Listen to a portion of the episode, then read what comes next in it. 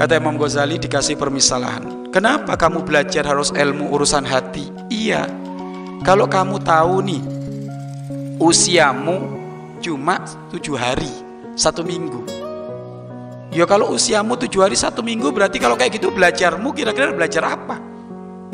Belajar ilmu yang manfaat. Belajar ilmu yang manfaat itu adalah ilmu urus membersihkan ha hati. Kenapa? Usiamu cuma satu minggu. Yo kenapa kamu belajar fikih? Kenapa kamu harus ngafalin adoman imriti? Kenapa kamu harus belajar jurmiyah? Usiamu cuma satu ming minggu. Yo berarti kita harus beramal atau belajar ilmu ilmu yang membersihkan ha hati. Ini ilmu pokok ini yang menjadikan sel selamat.